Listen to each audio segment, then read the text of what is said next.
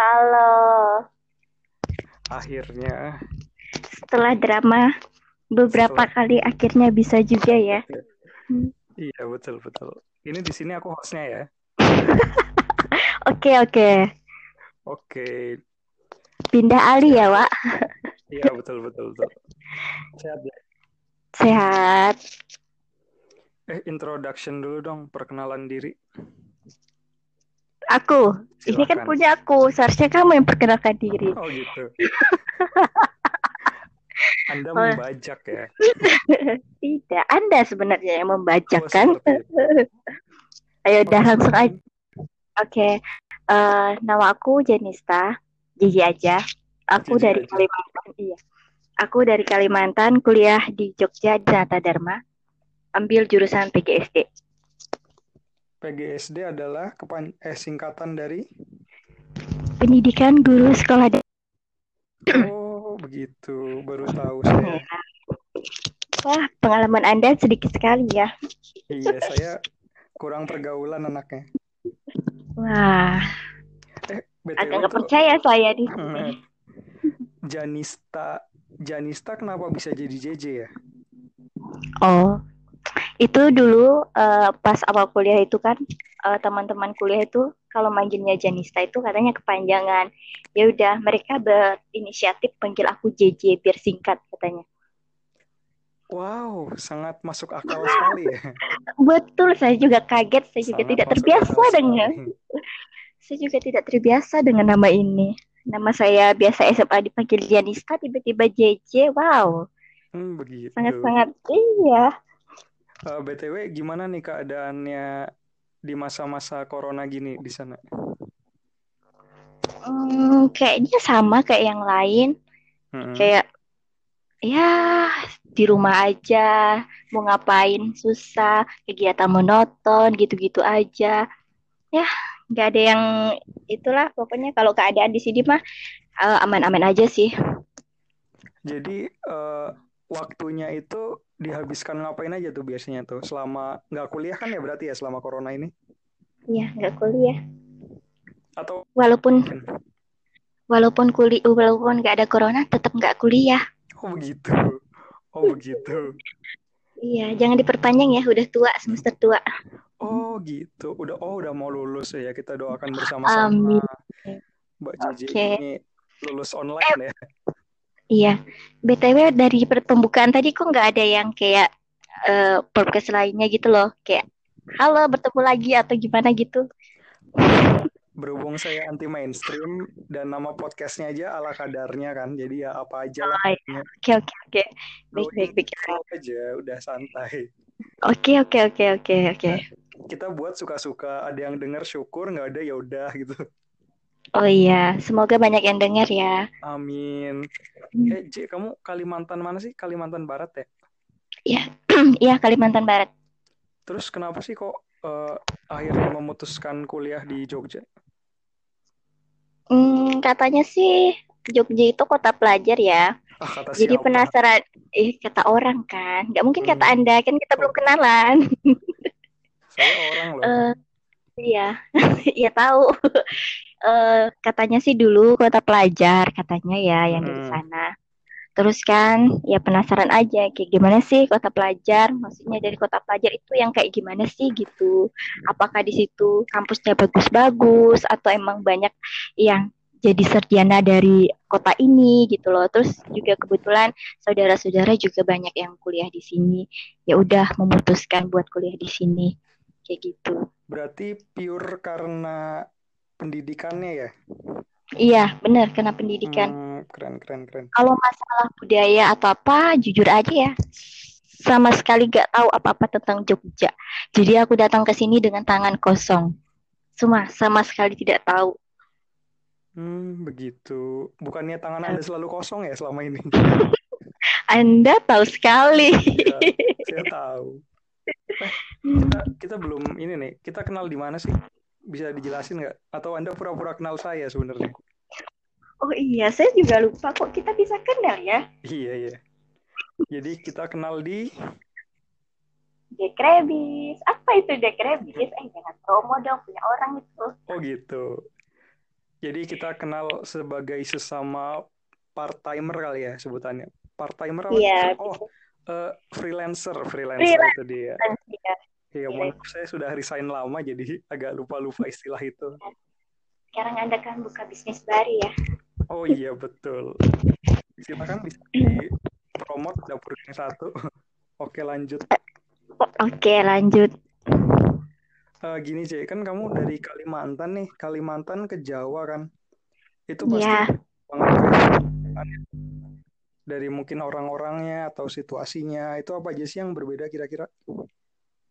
Yang jelas itu budayanya pasti ya lah ya Mhm. tempat-tempat setiap tempat itu dia punya budayanya masing-masing. Yang paling mencolok itu kalau aku pribadi ngerasanya itu makanan ya. Makanan. Iya. Kalau di kalau di sini dengan di sana itu menurut aku berbanding terbalik rasa makanannya ya. Kalau di sana itu suka asin-asin, beda dengan di sini itu yang suka manis-manis. Hmm, Nah, begitu. ya.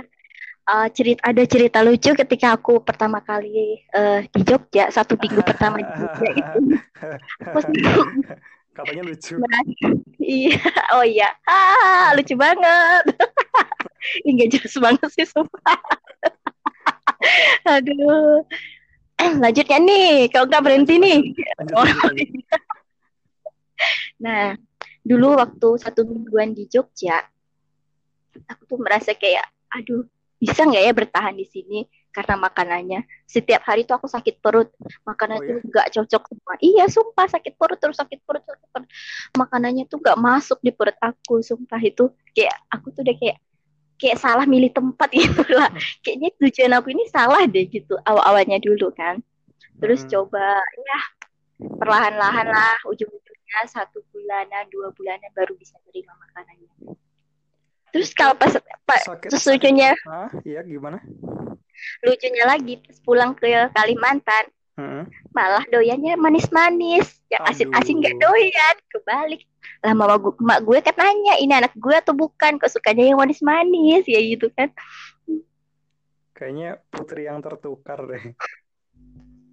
putri yang tadi dianggap. Eh, jangan deh. Itu BTW eh, karena rasanya kurang cocok jadi sakit perut atau gimana tuh? kayaknya karena rasanya manis gitu loh Hmm. di sini kan manis. Manis manis. Gimana ya? Susah tahu lah makanan ini. Kalau biasa kan ini biasa perut kita kan di Kalimantan sukanya yang eh, asin-asin kan. Terus tiba-tiba Iya. kayak dia langsung kayak berubah gitu loh. Biasa kita makan yang asin-asin tiba-tiba sekarang tiap hari makannya manis manis manis. Hambar jujur aja ya. Dulu dulu tuh makanan di situ hambar banget. Nggak ada rasa apa-apa. Kayak cuma makan yang rebus-rebus kayak gitu. Rebus. Kalau yang oseng-oseng yang gitu kayak makan minyak doang kayak gitu. Atau mungkin Anda salah tempat kos kayaknya deh. Enggak su, kayaknya semuanya aku rasa kayak gitu deh kayaknya Hmm. dulu ya awal-awal dulu itu aku rasa kayak gitu semuanya. Tapi sebenarnya aja eh, ini di tempatnya aku kan Jawa Tengah nih Ya, sama Jogja itu kan beda provinsi ya. iya. Sebenarnya itu juga udah beda sih. Jawa Tengah yang tempatku ini juga asin-asin. Ketika Ah. Jogja juga sebenarnya kaget sih dengan nasi Tapi goreng kan, aja manis eh, gitu kan. Iya benar. Cuma kan eh, bedanya kamu kan maksudnya masih ke area kepulauan Jawa ya. Jadi Iya. maksudnya bedanya tuh ya tipis aja gitu. Kalau beda dengan punya aku gitu. Iya, tidak sampai sakit perut juga sih kalau aku sih. Ini aku beneran loh, nggak Hmm. ngarang sumpah. Nggak lebay, ini beneran coy. Iya, iya, percaya, percaya, percaya. Jadi nomor satu makanan. Terus yang kedua apa nih yang berbeda? Hmm, cara bahasa. Bahasa di sini tuh menurut aku tuh anak-anaknya halus ya. Oh Bukan gitu. anak-anak sih, semuanya tuh kayak apa ya? Kayak cara bicaranya itu nada kali ya. Nadanya Mm-mm. itu nggak se apa ya bahasanya kasar nggak maksudnya nadanya itu loh ya bener kayak Eh, keras na- kayak gitu, gitu kan ngerti paham gak sih maksud aku tuh nadanya tinggi mungkin ya. Iya, benar-benar. Kalau di sini kan ya mereka kayak misalnya, iya kayak lemah gemulai. Kalau cewek tuh, wow cewek banget gitu loh. Nggak Mm-mm. kayak kami gitu. Kalau kebanyakan kami kan ya tau lah. Jadi sebenarnya kayak mereka pingin ngomongnya itu biasa, cuma kelihatan hmm? kayak lagi marah gitu mungkin bener ya beberapa sih yang kayak gitu cuma terus kalau di sana kan eh, di sini tuh kayak ada bahasa Jawa yang apa sih? Halus kayak gitu-gitu ya, ya sama tua itu beda-beda. Kalau di sana juga sebenarnya sama cuma nggak spesifik yang di sini gitu. Oh gitu. Jadi uh, ada, ada bahasa daerah dan bahasa Indonesia juga di sana gitu. Yap, benar bahasa Dayak kalau kami bilang sih gitu. Nah, Dayak aja beda, ya, suku-sukunya gitu ya beda-beda. Benar, kalau uh, satu satu kabupaten aja itu bisa banyak banget uh, suku-suku Dayaknya, jenis-jenis Dayaknya. Bahasanya sama nggak bahasa yang dipakai? Antar Kebanyakan itu. Jangankan antar kabupaten, antar kecamatan aja bisa beda, antar desa aja bisa beda dan mereka kalau misalnya berbicara antar desa gitu saling paham apa enggak bahasanya? Uh, kalau kami bilang sih saling paham sih. Terus kayak gini kalau kita bahasa kesatuannya itu bahasa Indonesia. Kalau kami di sana tuh ada juga. Ada.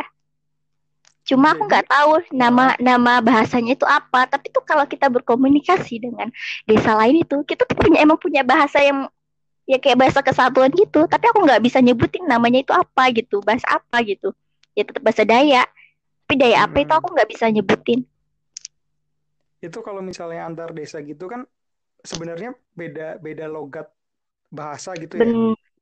Benar ah, ada yang beda nah, logat itu tuh kayak ha, itu kayak misal beda desa gitu ngobrol tuh mikir dulu nggak sih? Atau langsung paham gitu? Enggak, jadi tuh yang aku bilang tadi itu, jadi walaupun kita di desa masing-masing punya bahasa sendiri, tapi ketika ketemu dengan desa lain itu, kita kayak punya bahasa penghubung juga, jadi kayak bahasa kesatuan kita gitu loh. Wah itu itu salah satu kerennya Indonesia kali ya. Iya benar, benar banget. Sebenarnya Indonesia semakin dalam kamu mengetahui tempatnya, semakin hmm. banyak juga bahasa yang kamu ketahui. Karena jujur aja, so Indonesia itu gede banget dan bahasanya itu mungkin yang di apa yang didata sama pemerintah sekarang itu seberapa sekiannya dari yang belum didata gitu sebenarnya. Iya, ya yang tadi kita omongin aja itu baru antar desa kan ya. Ya benar. Antar iya. desa di Kalimantan di kota apa gitu kan. Sekarang iya, kita benar. kalau ngomongin di di Maluku, di desa di Maluku, desa Flores gitu-gitu udah wah gila sih banyak banget sih bahasanya. Betul sekali. Terus kamu waktu datang ke Jogja tuh banyak orang Jogja uh, berbicara sama kamu otomatis dengan bahasa Jawa nggak? Hmm, kalau mungkin ibu uh, ibaratkan apa sih yang tua-tua itu iya cuma kalau misalnya yang um, par, uh, ibu-ibu bapak-bapak itu enggak sih kebanyakan mereka taunya aku langsung dari luar. Hmm, begitu. Iya, jadi mereka pakai bahasa Indonesia. Jadi enggak enggak langsung pakai bahasa Jawa gitu. Karena mereka udah lihat aku tuh udah langsung tahu, oh ini bukan orang Jawa kayaknya kayak gitu. Masih. Iya benar sumpah. Tapi yang paling lucu itu ya, pertama masuk kuliah itu, aku tuh nggak ada yang bilang kalau aku tuh dari Kalimantan. Sedih banget nggak? Dikiranya dari Jawa. Enggak. Yang pertama dari, Bali. Bali, Sulawesi, Jakarta. Ah, kalau Bali sih enggak sih. Kalau Sulawesi Manadoan iya, gitu iya kayaknya kalau Iya, uh -uh. Manado, Bali. Aku juga Bali, ha Bali aku aja nengok lihat Bali aja gak pernah gitu ya. Aduh. aku, orang Bali tuh kan iya cantik-cantik ya kena ke aku ya. Iya betul. Masya Allah.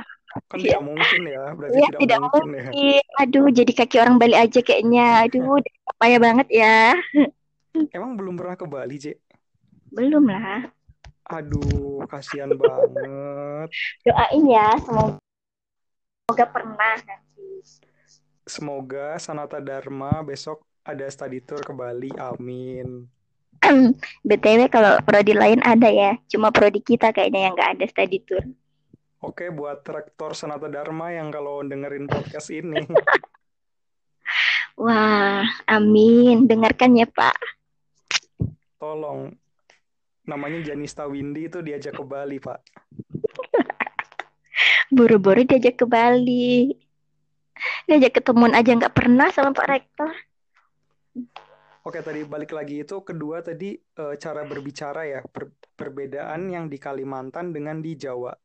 Kayak mm-hmm. nadanya itu lebih tinggi di Kalimantan. Sebenarnya mirip Sumatera nggak sih? Sumatera juga nadanya mm, Sumatera kan? Sumatera. Ya bener-bener kayak orang Medan kayak gitu kan. Iya jadi kayak mereka sebenarnya pengen ngobrol biasa cuma kayak ngajak berantem gitu kan Mm-mm. iya kalau yang lain kalau aku sih enggak ya oh gitu oh iya terima kasih aku Terus apa lagi yang ketiga? Hmm, ketiga apa ya? Oh iya, yang ketiga itu perumahannya. Perumahannya? Ya, kalau di sini tuh perumahannya gimana ya? Kayak padat terus kayak, aduh susah banget aku jelasin. Pokoknya beda banget lah intinya perumahannya itu bentuk-bentuk rumahnya dari di sana. Komplek perumahan atau rumah-rumah orang di situ? komplek perumahannya, perumahannya. terus juga bentuk rumahnya itu tuh beda banget dari di sana. Iya. Mungkin karena penduduk di Jawa lebih padat mungkin ya.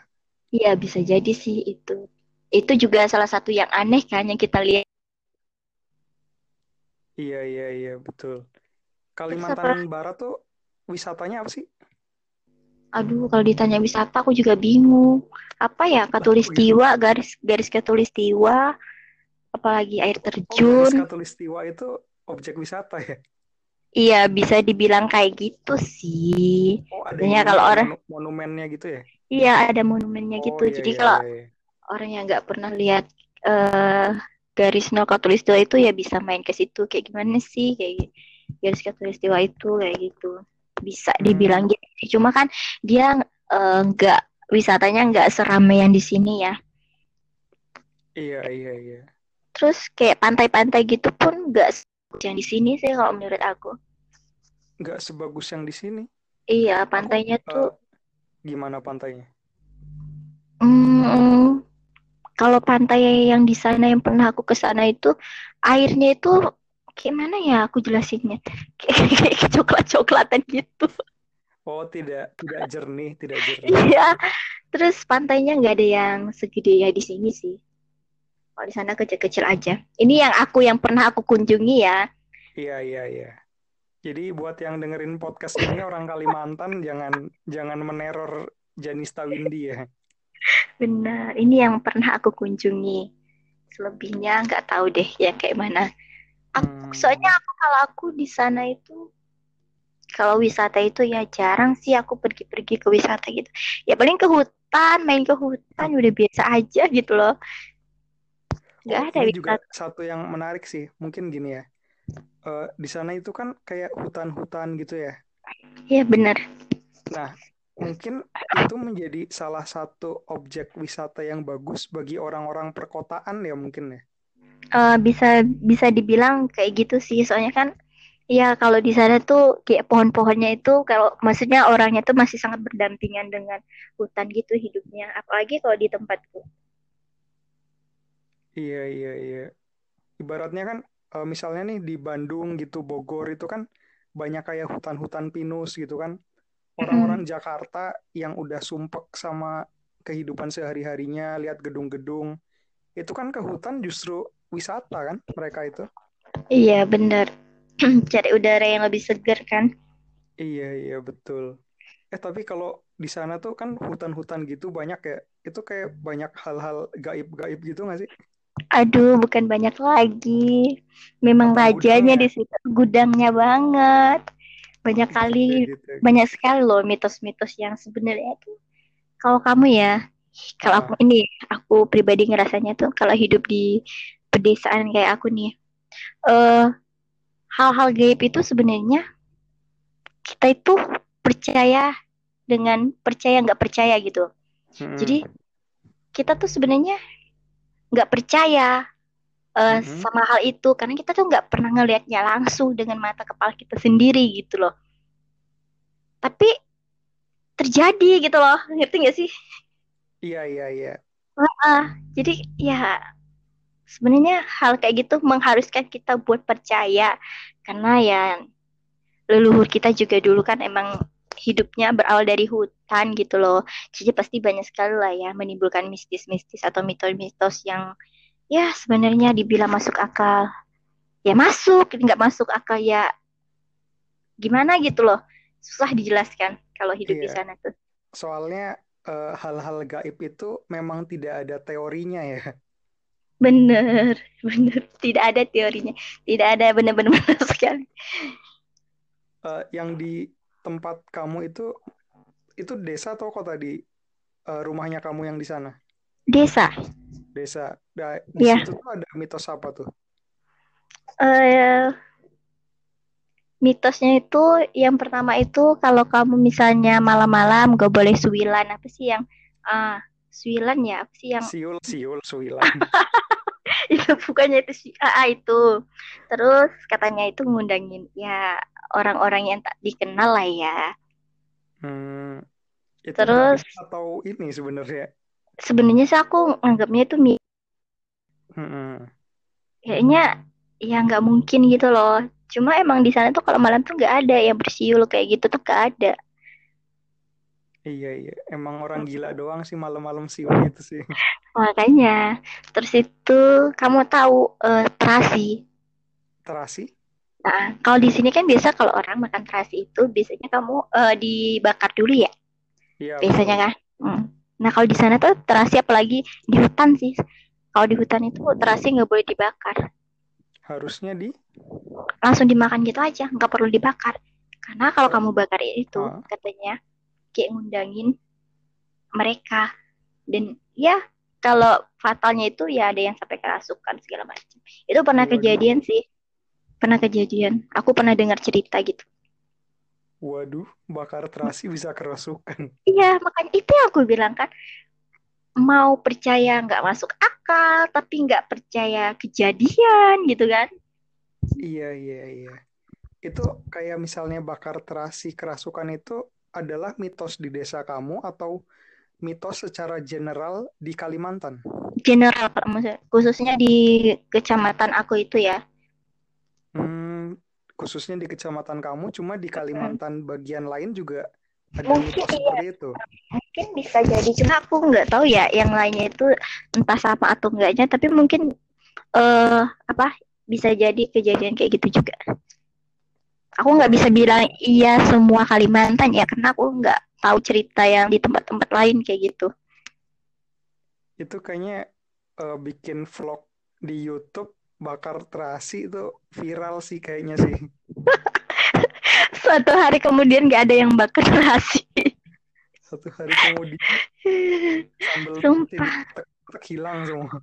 Iya lucu banget kayaknya kan jadi artis karena viral nggak apa buat vlog tentang bakar terasi. iya gila gila. Tapi di sana makanan dengan terasi banyak juga. Banyak. Mereka malah biasanya makannya pakai terasi. Cuma bedanya tuh ya mereka langsung makan gitu. Nggak pada istilah mau dibakar atau di apa kayak gitu. Sorry sorry. Terasi langsung dimakan itu maksudnya nggak dimasak? Iya kayak misalnya sam di apa kalau buat sambal sambal gitu kan uh -uh. ya langsung kayak gitu nggak ada yang misal digoreng nggak ada atau misalnya dibakar gitu nggak ada wah itu kamu kan berarti udah pernah merasakan terasi di Kalimantan dengan sambal terasi di Jawa kan? Berarti udah merasakan kan? Sudah. Enakan mana? Tetap enakan Kalimantan karena lidah saya lidah gitu. Kalimantan. Iya. Kalau nggak Anda silakan mencoba ya. Ini uh, basic aku nih dimasak kuliner gitu kan? Iya benar. Itu uh, jadi gimana kayaknya aku nggak mau kerja di Kalimantan deh suruh nyambel nanti ngebakar aku kesurupan di dapur Iya nggak gitu juga ya itu kan kalau di hutan oh ya, kalau, kalau di hutan iya kalau di rumah oh, sih iya iya sorry aku sorry nggak aku sih nggak paham juga ya di rumah itu berlaku atau enggaknya juga sih aku nggak paham ya cuma sih emang kalau orang Kalimantan itu yang terasi itu jarang. Bakar terasi di hutan bisa kesurupan, cuma kalau di rumah masih belum tahu 50-50 mm -hmm. intinya ya. Iya benar benar. Hmm, sebenarnya aku ada kepikiran ide sih kamu kalau besok ke Kalimantan pulang cobain di rumah bikin sambal Kalau kamu kesurupan, kita buat podcast lagi ya. Maaf ya, Anda sangat menjebak sekali ya. Yang nanggungnya itu saya ya, mohon maaf. Saya yang nanggungnya sampai ke oh, sana oh, itu. Gila, unik banget sih. Terus apa lagi kira-kira yang lain mitos yang Terus lain? apa lagi? Um, kalau misalnya di sana itu banyak sih kalau misalnya uh, ada keramat namanya. Tahu lah ya keramat itu apa kan? Uh -uh. Kalau di sana tuh uh, kalau misalnya orang-orang uh, petinggi-petinggi adat gitu di sana uh, ngeliat kalau misalnya uh, di desanya itu kayak uh, contohnya itu kayak ikan itu mulai punah mereka berinisiatif berinisiatif buat uh, keramat di sungai gitu biar ikannya nggak punah gitu loh biasanya. Hmm, uh, mungkin bahasanya ritual ya mungkin ya? Uh, bisa dibilang kayak gitu sih cuma kami di sana nyebutnya keramat kan. Nah, keramat. nah terus kalau bisa biasanya itu kalau udah dijadiin keramat gitu kan kayak istilahnya itu udah nggak boleh diganggu gugat sama orang lain. Apanya tuh yang nggak boleh diganggu ikannya. ikannya. Jadi ikannya tuh nggak boleh diambil kayak kita tuh melihara ikan gitu loh melihara ikan tapi ikannya nggak boleh kita ambil jadi kita menjaga ikannya itu biar lestari biar berkembang biak lagi kayak gitu. Sorry, Dan yang itu tujuan awal untuk keramat itu kan tadinya kan ikannya punah nih. Mm-mm, mau punah. Punah tinggal sedikit. Mm. Terus tujuan keramat itu agar ikannya ada lagi terus buat konsumsi bukan sih? Bukan, bukan. Kamu bisa konsumsi itu kalau keramat itu dicabut lagi, dihilangkan lagi. Selama kerabat itu masih berlaku, kamu gak bisa ngambilnya. Hmm, begitu. Nah, yang paling itunya lagi, ketika sungai itu udah jadi keramat, sejenis ikan semuanya keluar. Ikan gede kecil semuanya jadi banyak banget. Kayak misalnya kita mandi atau nyuci piring orang biasa lah kan orang desa kan biasanya cuci piringnya di sungai kan. Iya iya iya. Ketika kita cuci piring itu ikannya tuh banyak banget. Bahkan ikan yang jarang sekali kita lihat di sungai biasanya itu bisa tiba-tiba muncul. Itu antara anugerah atau ngeri juga sih sebenarnya sih.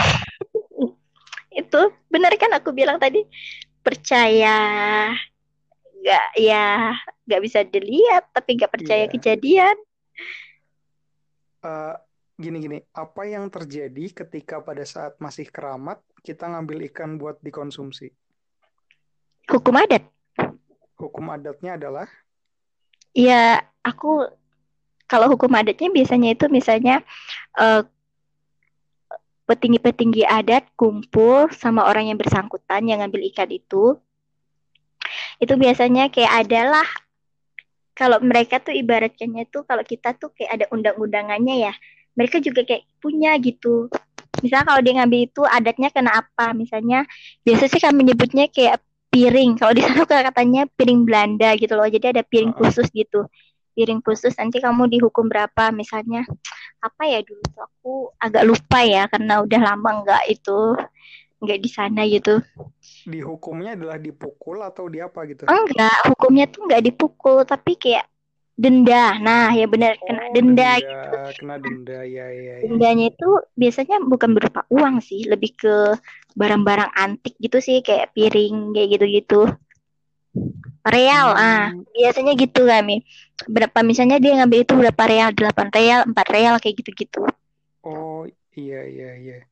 Terus itu misal lebih... nih berarti mm -hmm. bukan bukan ini ya, bukan misalnya kita ngambil ikan terus uh, kerasukan gitu tuh bukan ya, lebih ke adat ya sebenarnya ya. Mm -mm, ya bukan lebih ke adat. Tapi hmm. kalau uh, itu mungkin keramat yang ringan ya, tapi aku dengar cerita sih, ini cerita ya, cerita dari yeah, beberapa yeah. kampung itu ada keramat yang benar-benar dijaga banget, kayaknya tuh kayak udah pokoknya ya udahlah intinya kamu nggak boleh diganggu lah kayak gitu. Bahkan kita kalau cuma ngambilnya aja itu atau bunuh ikan di situ, ada yang sampai sakit bahkan dia itu tanda kutip uh, jadi orang Ini maaf ya bahasanya bukan maaf ya ini bahasanya agak kasar sih. Iya, iya. Uh, gila gitu. Jadi orang gila. gila. Jadi oh kayak uh, agak nggak waras sakit sakit jiwa sakit jiwa. Hmm iya iya iya iya. Wah itu nggak ada teorinya banget sih. Iya makanya itu sih aku aku dengar ceritanya itu ketika aku udah SMA atau kuliah aku lupa ya. Tapi ada dengar cerita itu dari teman-teman sih. Katanya gara-gara ngambil menurut di cerita sih katanya gara-gara ngambil ikan di keramat itu. Hmm, iya iya. Sebenarnya banyak sih mitos-mitos kayak contohnya di Bali juga kan uh, itu ada kayak mitos ketika kita udah nyampe Bali terus pada saat kita kembali lagi ke Jawa itu barang-barang yang di Bali itu nggak boleh dibawa ke Jawa. Contohnya kayak misalnya pasir pantai Kute gitu. Mm -mm. Itu pernah denger nggak yang gitu-gitu? Aku sih nggak pernah denger ya yang kayak gituan. Kalau yang dari Bali ya aku nggak pernah denger. Baru ya, ini dengar. Anda, anda belum ke Bali ya? Wah, Anda menyinggung ya sekarang ya. Oh ini ini ngasih tahu biar kamu uh. kesurupan gitu. biar paham ya nanti lihat iya. pantainya bagus pasti bagus ntar dibawa pulang lagi kak. Betul, betul. Jadi belum ke Bali itu sempat ada kayak peringatan seperti itu dari ibaratnya dari tour guide-nya lah. Mm -mm. Oh, iya. Waktu study tour ya, orang-orang Jawa study tour ke Bali, terus pada saat kembali ke Jawa ada salah satu siswa yang membawa pasir pantai Kute di botol kecil gitu. Hmm. Nah, pada saat kembali ke Jawa itu masalah tuh banyak banget. Entah itu mobilnya mogok-mogokan, terus uh, yang apa tadi pasir pantainya itu kayak nggak enak badan terus hmm. akhirnya tahu tuh si tour guide-nya nanyain apakah kalian ada yang membawa barang-barang yang tidak eh yang bukan hak kalian ngambil pasir bukan haknya kita dong itu kan kayak iya, betul. Uh, kayak kita bukan belilah intinya lah hmm. terus akhirnya ada yang mengaku ada yang bawa pasir pantai itu dalam botol. Solusinya adalah kembali lagi ke Bali, balikin pasirnya, udah lancar semua, mobilnya nggak mogok-mogokan, anaknya juga nggak sakit-sakitan lagi. Itu kak, itu taunya pas sudah di perjalanan atau udah nyampe? Pas sudah, pas lagi di perjalanan. Wow, seberapa jauh mereka itu? Betul. Balik Wow. Itunya dong yang balik si yang megang doang dong, nggak semuanya dong. Wah, kalian tidak setia setia kawan sekali ya. Wah. Kalau kalau semuanya balik lagi ke Bali, study study tournya dua kali dong mereka dong. Kayak apa? Kapan lagi study tour dua kali Kapan kan? Lagi? Oh, tips, dengan tips dengan kamu kalau mau study tour dua kali, C. Iya, boleh boleh. Kapan lagi kan dua kali study Kapan tour? lagi betul. sebenarnya kan ada hal contohnya, ada uh, hal positif dari situ kan kalian bisa study tour ulang lagi kan Iya betul positifnya itu. Cuma sakit-sakitannya kan eh, tentunya tidak positif ya. benar benar benar benar benar. Tapi ya. uh, maksudnya kan kalau misalnya kayak contoh yang di Bali itu ya, mm-hmm. itu kan kayak ada pesan moralnya kita tidak boleh mengambil sesuatu yang bukan haknya kita gitu kan. Mm-hmm. Jadi ibaratnya masih make sense masuk akal gitulah. Hmm. Cuma kalau di Kalimantan tuh kayak misalnya bakar terasi gitu, itu masih belum masuk logika aku sih sebenarnya sih. Mungkin lebih tepatnya iya itu kayak gini loh. Jadi kamu uh, setiap tempat itu kan punya uh, ada yang nunggu kan di mana pun iya, itu di mana pun itu ada Nah, apalagi di hutan gitu banyak. Nah, mungkin di situ itu mereka tuh ingin kayak dihargai juga gitu loh maksudnya. Oh iya iya iya betul. Uh, uh, mau dihargai juga gitu. Jadi tuh tetap walaupun kamu di hutan bebas gitu, tapi kamu tetap jangan sembarangan gitu kalau misalnya bakar-bakar kayak gitu. Itu kan kayak masih asing banget bagi mereka gitu loh. Kayak bakar terasi kayak gitu kan. Mungkin. Iya bakar terasi kalau aku sih mikirnya gitu ya ada lah hikmahnya saling menghargai gitu kan Iya. Bakar terasi aja udah kebauan kalau ada yang bakar pete, bakar jengkol gimana di hutan? Oh, boleh itu mah. Mungkin karena kalau misalnya terasi itu kan ibaratnya itu bukan dari alam situ ya maksudnya. Kayak itu kan eh fermentasi gitu nggak sih terasi itu? Dari dari udang, udang ya betul. Gitu kan. Nah, kalau kayak misalnya jengkol kayak gitu kan itu kan dari alam gitu alam hmm, iya iya paham paham paham jadi ibaratnya gak... kayak dari laut pindah ke hutan gitu ya kalau ya, misalnya terus terasi dibakar lagi. Karena aku juga sebenarnya teorinya itu aku juga nggak paham sih. Ya kan? Ya kita juga nggak tahu. Iya hal pastinya juga siapa yang tahu gitu loh. Iya benar. Gitu. Nah terus yang yang Aduh, kamu pernah sekali. lihat atau iya, iya nanya nanya. Silahkan dua kali juga nggak apa-apa. Kalau misalnya di tempatmu ada nggak mitos-mitos gitu? Di tempatku itu sebenarnya uh, udah kota sih ya sebenarnya. Wah kalau... agak tersinggung di bagian kota itu ya. Kota besar ya jadi ya terus? Cuma cuma gini J. Ini aku pernah mengalami sendiri soalnya. Jadi ada mitos seandainya anak kecil itu wow. alis alisnya hilang gitu ya. Iya. Itu bisa melihat hal gaib. sama punya tempatku juga ada yang kayak gitu. Oh, begitu sama. Sama. Nah, masalahnya ada satu kejadian yang pada saat aku kecil, alisku itu hilang semua. Kok bisa? Apa bisa? Kan kamu tahu aku orangnya penasaran gitu ya. Dan rasa penasaran itu sudah ada sejak aku waktu kecil. mohon maaf ya, Anda agak-agak kurang waras ya itu. Jadi begini waktu waktu kecil itu dulu kan masih kompornya kompor gas ya. Ya benar. Eh. Uh, kamu tahu kan kalau misalnya kompor tungku itu bawahnya itu ada kayak minyak. Minyak, uh, paham paham paham. Genangan gitu kan? Iya. Terus ada sumbu yang nyampe ke atas kompornya gitu kan? Iya. Nah jadi nih dulu aku ambil satu lidi jadi ini posisi posisi kompornya masih nyala nih, lagi nyala nih. Mm. Jadi si lidi itu aku bakar. Setelah lidinya terbakar, aku masukin ke minyak yang di bawah. Pum, meledak. Terus? Terus setelah kompornya meledak, itu tuh mukaku kayak kena apinya gitu kan, asap panas gitu. Iya. Yeah. Dan itu alisku hilang semua, bulu mata dan alis. Dan setelah itu, jadi waktu itu tuh masih kecil kayaknya aku lupa antara TK atau kelas 1 SD gitu. Antara itulah ya masih kecil banget pokoknya. Iya. Jadi itu dulu waktu itu masih tidur sama orang tua kan. Malam-malam nih kebangun. Waktu kebangun di dekat kasur itu aku bisa ngelihat ada dua sosok gaib.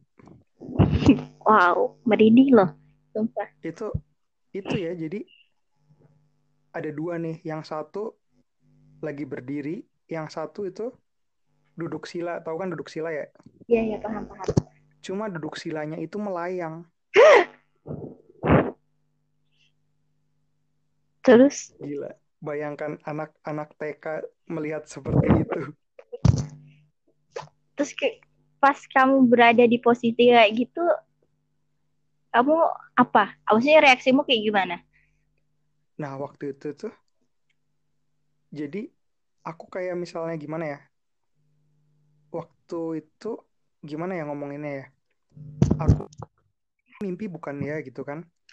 Jadi kayak setelah lihat aku kayak tutup pakai bantal lagi gitu tengkurap gitu Terus aku balik badan lagi, ngeliat lagi, masih ada dong duanya itu dong. Wow. Dan dan dua sosok itu itu nggak kelihatan apa-apa jadi cuma hitam semua kamu bayangin bayangin orang terus siluet gitu loh hitam semua loh Iya, paham iya kan. Iya, paham. Nah ada dua gitu. Yang satu berdiri yang satu duduk sila tapi terbang. Wah. Itu itu kayak tubuhku tuh kepaku gitu loh. Nggak bisa nggak bisa Iya, gerak nggak bisa ngapa-ngapain. Jadi berhubung aku mengalami sendiri aku percaya dengan mitos ketika alis terbakar itu bisa melihat sesuatu aku percaya. Tapi teorinya dari mana ya? nggak tahu nggak tahu teorinya nggak ada kayaknya deh Iya. Apa itu karena kebetulan aja kali ya? mungkin mungkin mungkin sebenarnya kalaupun alisku ada tetap ngelihat juga mungkin sih sebenarnya sih Hmm. Coba cuma sih Oh, jadi sih gaib, gaib ini kan emang bisa memperlihatkan dirinya atau tidak kan sebenarnya kan oke, oke, benar benar benar. Next Gitu cerita lain lagi. Gila gila gila Mohon maaf ya, aku sendiri di kos ini. aku juga sendiri di kamar kan di kamar. Oh, oke. Selain yang horor, jangan yang horor lagi dong. Ada lagi mitos apa Loh, justru gitu. justru podcastku biar viral kan begini Wow. Anda sangat berpengalaman sekali ya ternyata. ada satu lagi J jadi eh, ini di di Islam ya di Islam itu ketika rumah ditinggal 40 hari itu Mm-mm. biasanya ada penunggunya aku nggak tahu nggak tahu itu general atau gimana tapi di Islam seperti itu ya Ah, iya ya. tahu gitu nggak kayak mitos rumah udah lama nggak ditinggalin terus ada penunggunya gitu-gitu Tahu aku kalau itu aku tahu. Hmm. Nah, jadi eh, di dekat rumahnya aku itu ada rumah mbah gitu kan. Iya. Cuma eh, udah nggak ditempatin lama gitu rumah tersebut. Mm-mm. Jadi pada waktu itu akhirnya direnovasi segala macem. Setelah direnovasi akhirnya mbahku itu tinggal lagi di situ. Nah, Sebelum mbahku tinggal di situ, itu sempat jadi rumah tersebut setelah direnovasi kayak ada yang nungguin orang ini ya, orang nungguin rumah itu buat kayak bersih-bersih gitu-gitulah, jagain rumah lah intinya lah. mm-mm. Sendirian bapak-bapak. Itu katanya setiap malam digangguin dong di situ dong. Wow. Serem juga ya. Jadi Agak bahkan ya itu jelas banget ada jin, jin yang menyerupai orang tuanya mbah aku yang sudah meninggal. wow. Jadi intinya si pemilik rumah itu gitu. Mm-mm. Ngeri ya. si jin tersebut nanyain ke si penjaga rumahnya itu, kamu Mm-mm. ngapain di sini gitu. Terus untungnya si penjaga rumah ini emang orangnya alim gitu ya, agamanya Mm-mm. kuat lah, nggak takut sama hal-hal begitu.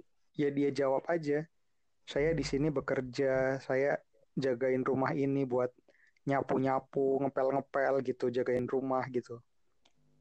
Oh ya udah akhirnya pergi tuh jinnya gitu. Berani banget Oh. kan gila.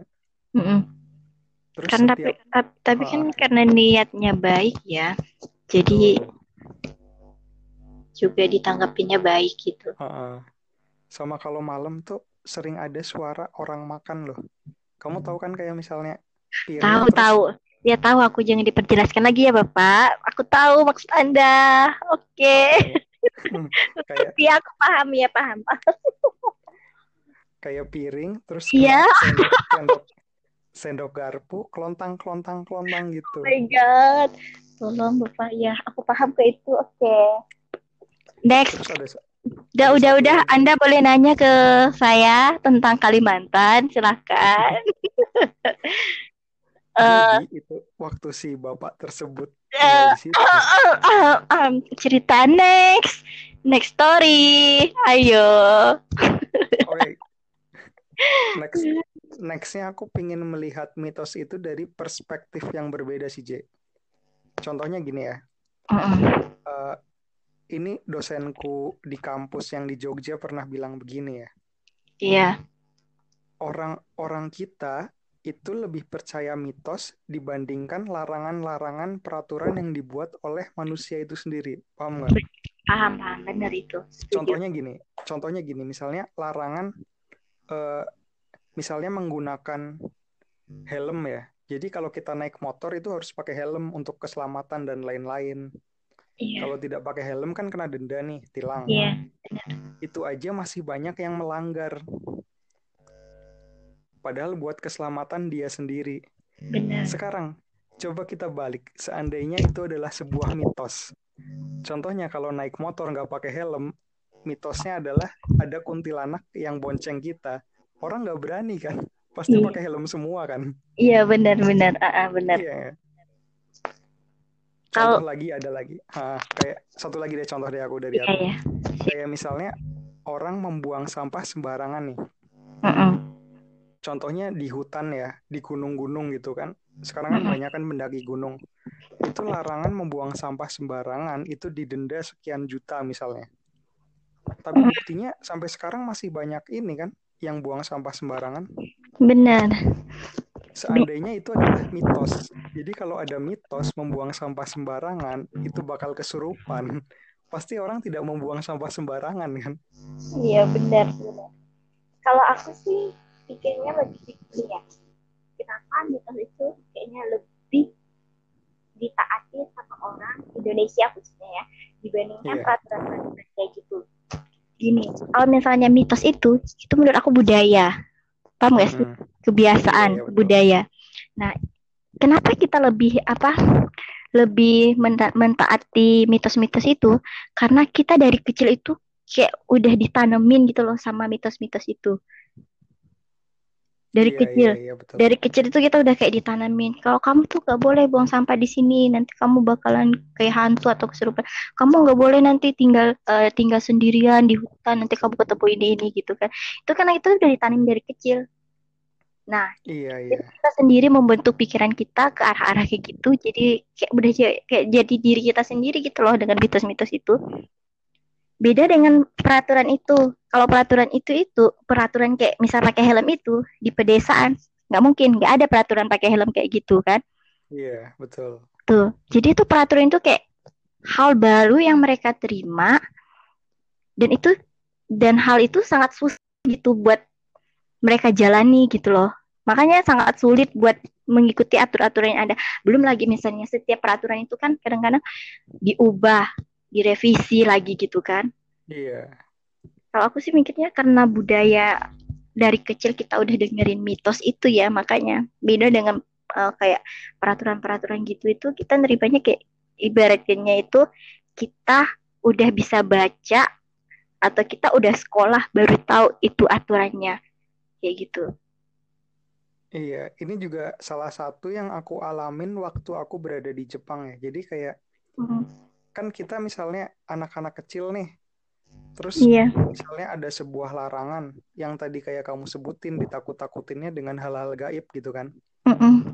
kalau di Jepang itu dari dari TK sampai kelas 3 SD itu kan belajar moral tuh mm -mm. jadi udah udah dikasih main mindset dari kecil ketika melakukan sebuah pelanggaran terhadap peraturan itu akan ada konsekuensinya denda atau segala macem gitu. Iya. Jadi emang berbeda apa ya pengajaran mindset dari kecil sih benar kata kamu sih. Mm -mm. Iya, coba kalau misalnya kita dari kecil udah diajarkan, uh, nak kalau mau ke mana-mana harus pakai helm ya, karena itu yeah baik buat keselamatan kamu gitu kan.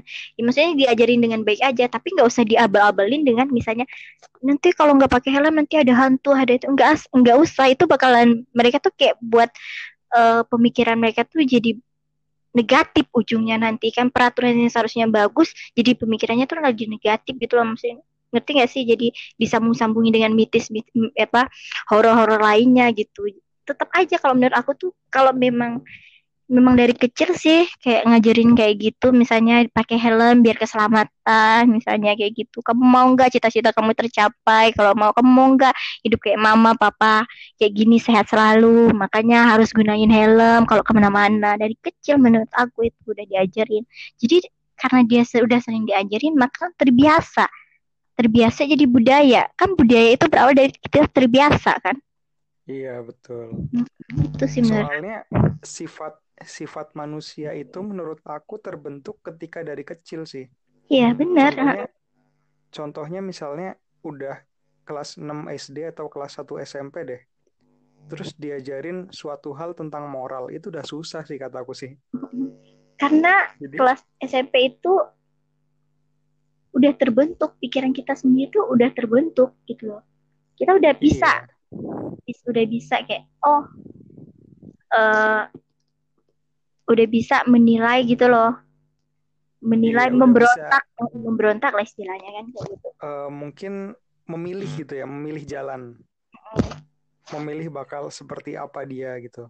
Iya benar. Emang berarti mungkin kamu ada kaitannya dengan kamu kan guru SD ya? Iya, bener. guru SD nih, apalagi uh, ngajarnya di sekolah internasional gitu kan? Iya. Itu kayak yang ditonjolkan tuh pelajaran atau moral sih kalau yang kamu alamin? Kalau itu ya kalau maksudnya sepengalaman aku waktu maksudnya PGSD ini itu kalau internasional itu dia lebih ke skill skill anak moral juga terutama skill dan moral gitu loh. Jadi dia nggak ada yang kayak kita itu misalnya diajarin kayak suruh hafalan kayak gitu terus materi materi terus berulang-ulang kali kamu ajarin materi materi tanpa mereka memahami apa sebetulnya konsep dari pembelajaran itu sendiri gitu kan kalau di internasional biasanya kurikulum internasional mereka lebih ke skill bakat dari mereka dikembangkan. Moral juga sangat penting menanamkan moral gitu. Banyak sekali moral. Itu benar-benar sangat sangat ditonjolkan sekali. Misalnya bakat kamu apa? gitu. Kayak misalnya kan uh, aku nari. Oke okay, kamu bisa mengembangkan nari. Tapi kamu juga bisa mengembangkan yang lain selain nari. Tapi maksudnya nggak terlalu teori teori teori teori gitu loh. Ngerti gak sih? Ada iya, prakteknya yeah, yeah, yeah, juga yang membedakan juga cara pengambilan nilainya. Kalau di sini kan ya pakai ranking ranking gitu. Terus lebih nilai kognitif lebih dipentingkan di, daripada psikomotorik. Bener kan? Hmm, iya iya iya.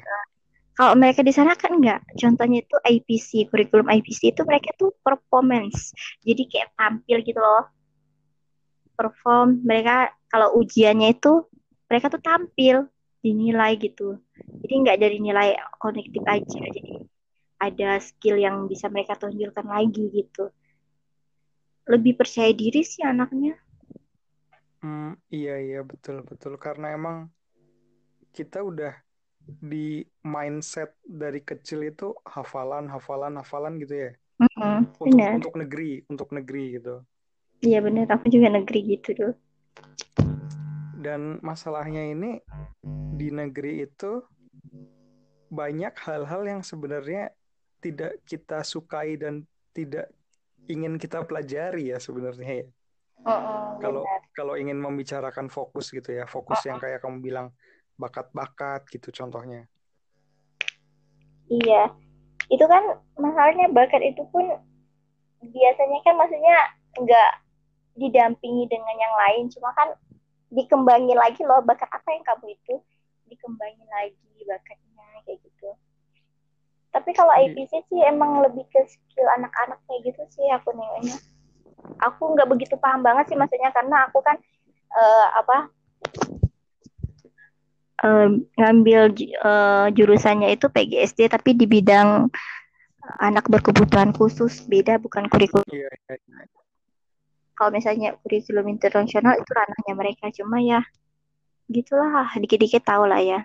Tapi emang bagus sih mereka kalau misalnya internasional kurikulum internasional. I see I see I see. Oke Ji ini udah 54 menit. Nggak berasa kita ngomongin kita ngomongin apa aja tadi ya? Dari awal mitos-mitos. Oh iya awal-awalnya uh, culture shock mungkin ya Iya benar. Sama kultur. Ah, aduh shock banget aku mah. Masuk shock ya, sampai sakit perut selama satu minggu.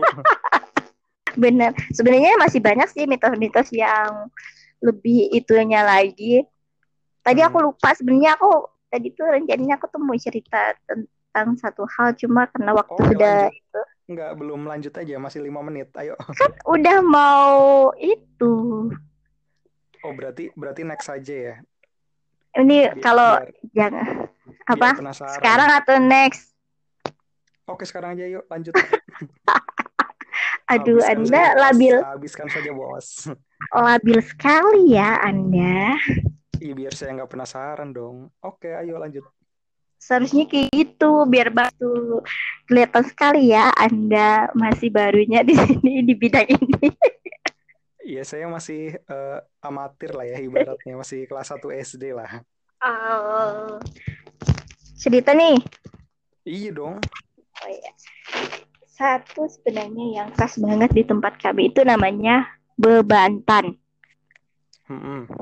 Nah, itu tuh kayak ucapan syukur kita atas panen yang kita dapatkan gitu. Jadi bebantan itu dilakukan biasanya sih setelah panen gitu. Nah, biasanya di bebantan itu banyak sekali kegiatan adat yang dilakukan. Kayak itu juga ada pantang-pantangnya kayak gitu. Jadi pantangnya itu dijalanin tiga hari. Nah, selama tiga hari itu kamu banyak kali kayak misalnya kamu nggak boleh beberapa sayur di hutan kamu nggak boleh ngambil kayak kayak gitu terus kamu nggak boleh kayak metikin apa ya kayak kata kalau kata kami di sana nelayu itu nelayu adalah? itu adalah kamu nggak boleh uh, metikin rumput-rumput gitu apa sih kayak uh, ngadain rumput gitu loh nyabut rumput kayak gitu hmm, tuh. Iya, iya, iya, paham, paham, paham. Terus ada beberapa sayur yang nggak boleh dimakan, kayak rebung kayak gitu. Kamu nggak boleh makan rebung kayak gitu. Terus ada beberapa lagi tuh, aku lupa ya. Wah, saya sudah excited mendengar kata-kata Enggak, sebenarnya ini aku inget cuma aku takut salah kayak pakis kayak gitu-gitu itu nggak boleh hmm. rebung hmm. pakis itu nggak boleh dimakan selama tiga hari gitu Terus uh,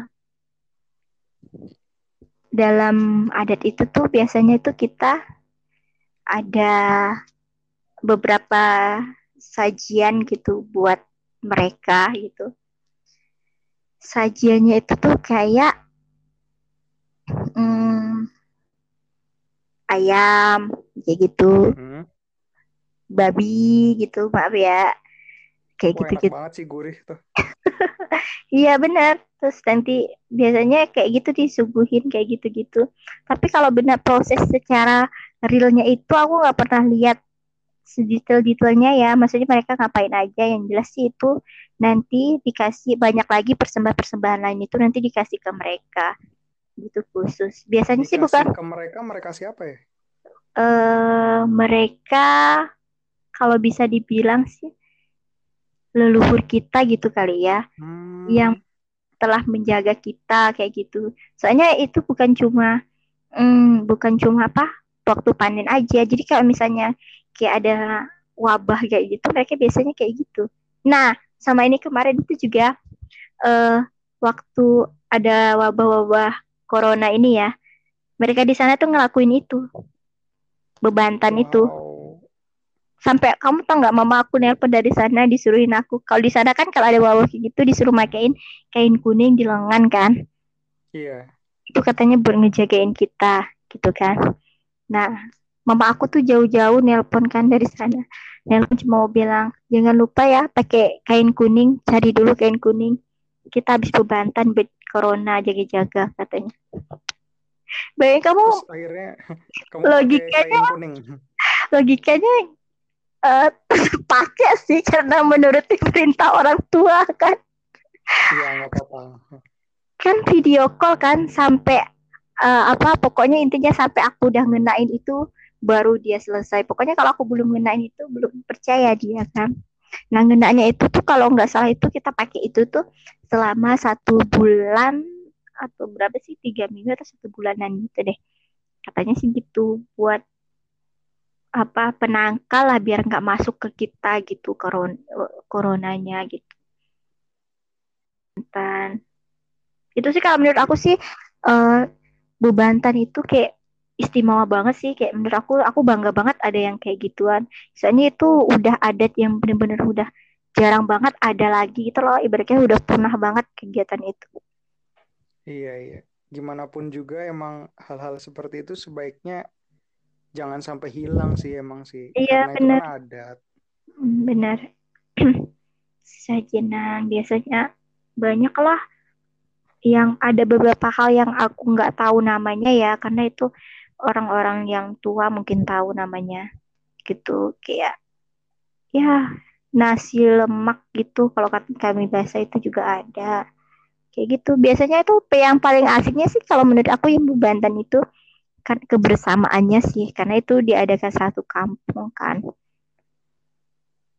Iya, bagaimanapun juga sebenarnya di balik itu semua banyak hal-hal positif ya sebenarnya ya. Iya, benar.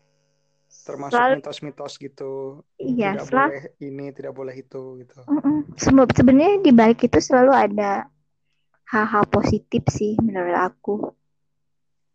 Yang dibuat orang itu nggak mungkin mereka membuat sesuatu hal itu kalau leluhur kita dulu ya nggak ada hal positifnya gitu kan Iya betul betul. Mm -mm. Terus kalau dulu itu ya, uh. kalau misalnya ada pelangi gitu ya, itu ini menurut aku paling lucu.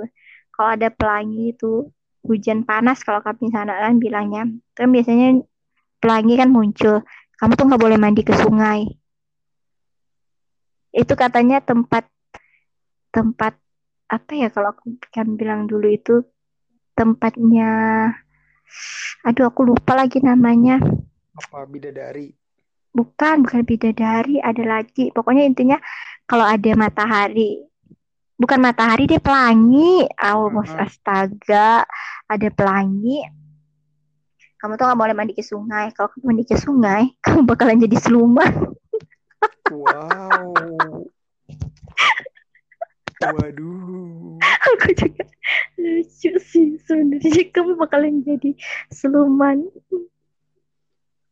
Sumpah. Aduh. Aduh. aduh, pokoknya lucu banget. Pokoknya anak-anak itu setiap kali udah hujan panas, ada pelangi, mereka nggak ada yang mandi ke sungai. Takutnya siluman. oh iya, aku ingat sekarang hmm. ada kalau nggak salah sih katanya tamo atau apa gitu tamo itu kayaknya sejenis sejenis sekeluargaan dengan ular gitu deh hmm, hmm. iya iya mungkin ya. emang ular beneran gitu ya takut uh. takut digigit kali kalau mandi di sungai gitu kan iya terus ada lagi nih delas ya satu ini ini paling lucu iya, sebenarnya wah gila ini penutupnya luar biasa nih pasti nih Nah, kalau di sana kan banyakkan sungai ya. Iya. Nah, banyakkan sungai. Nah, kalau pas pasang itu, air pasang, air naik itu, katanya tuh kamu gak boleh mandi ke sungai. Ada bongkit, kamu bongkit apa? Bongkit itu apa? aku aku aja ngomongnya aja udah mau ketawa gitu loh. Tapi benar kenyataan bongkit tuh hantu sungai. Hantu sungai yang berkepala kayaknya mirip-mirip gurita gitu loh gurita. Antara antara ngeri dan lucu sih emang sih kamu bayang kamu logika kamu masuk gak sih? Masa di air tawar ada gurita? Iya namanya siluman mah mau di di atas pohon juga gurita nggak masalah sih. Lucu banget loh bongkit kamu gak boleh mandi ke sungai. Nanti kalau ada sungai itu ada bongkit karena hantu bongkit itu nanti bisa nenggelamin kita gitu loh. Buat kita tenggelam gitu. Oh my god oh my Abis, god. Uh -uh. dan aku tuh nanya bongkit itu emang hantunya kayak gimana sih gitu kan. Dijawab lah sama teman-teman aku kan. Katanya bongkit itu hantu kayak gurita sumpah aku tuh ngakak banget. Aku tuh kayak merasa wow dahsyat banget ya ini dari dulu aku percaya banget. Aku udah membayangkan suatu hal yang kayak seram banget. Tentunya hanya gurita. Harga diri si bong si bongkit itu hilang oleh anda ya Tapi benar-benar lucu loh, lucu nggak sih? Maksudnya logikanya itu masa iya, sih memang. ada gurita gitu loh? Iya, emang hal-hal tersebut emang tidak bisa pakai logika sih emang sih. Iya ya, pokoknya itu. Iya it, betul. Itu ya, itu juga sih hal yang aku takutin dulu. Ada hantu bongkit pas yeah. di sungai gitu kan tiba-tiba mandi enaknya karena airnya itu kan deras gitu kan. Eh tiba-tiba ada hantu bongkit nenggalamin kita. Udah tamat wilayah kita kan. Udahlah pokoknya si bongkit tersebut di Kalimantan aja ya jangan ke Jawa-Jawa lah nggak penting. Tapi dengar-dengar sih mau itu sih pindah katanya. Oh gitu. Oke, berhubung sudah semakin larut, semakin tidak jelas, kita akhiri podcast kali ini. Oke. Okay. Oke, terima kasih JJ waktunya. Iya. Yeah. Semoga semoga secepatnya lulus ya, bentar lagi lulus online. Amin, lulus corona ya.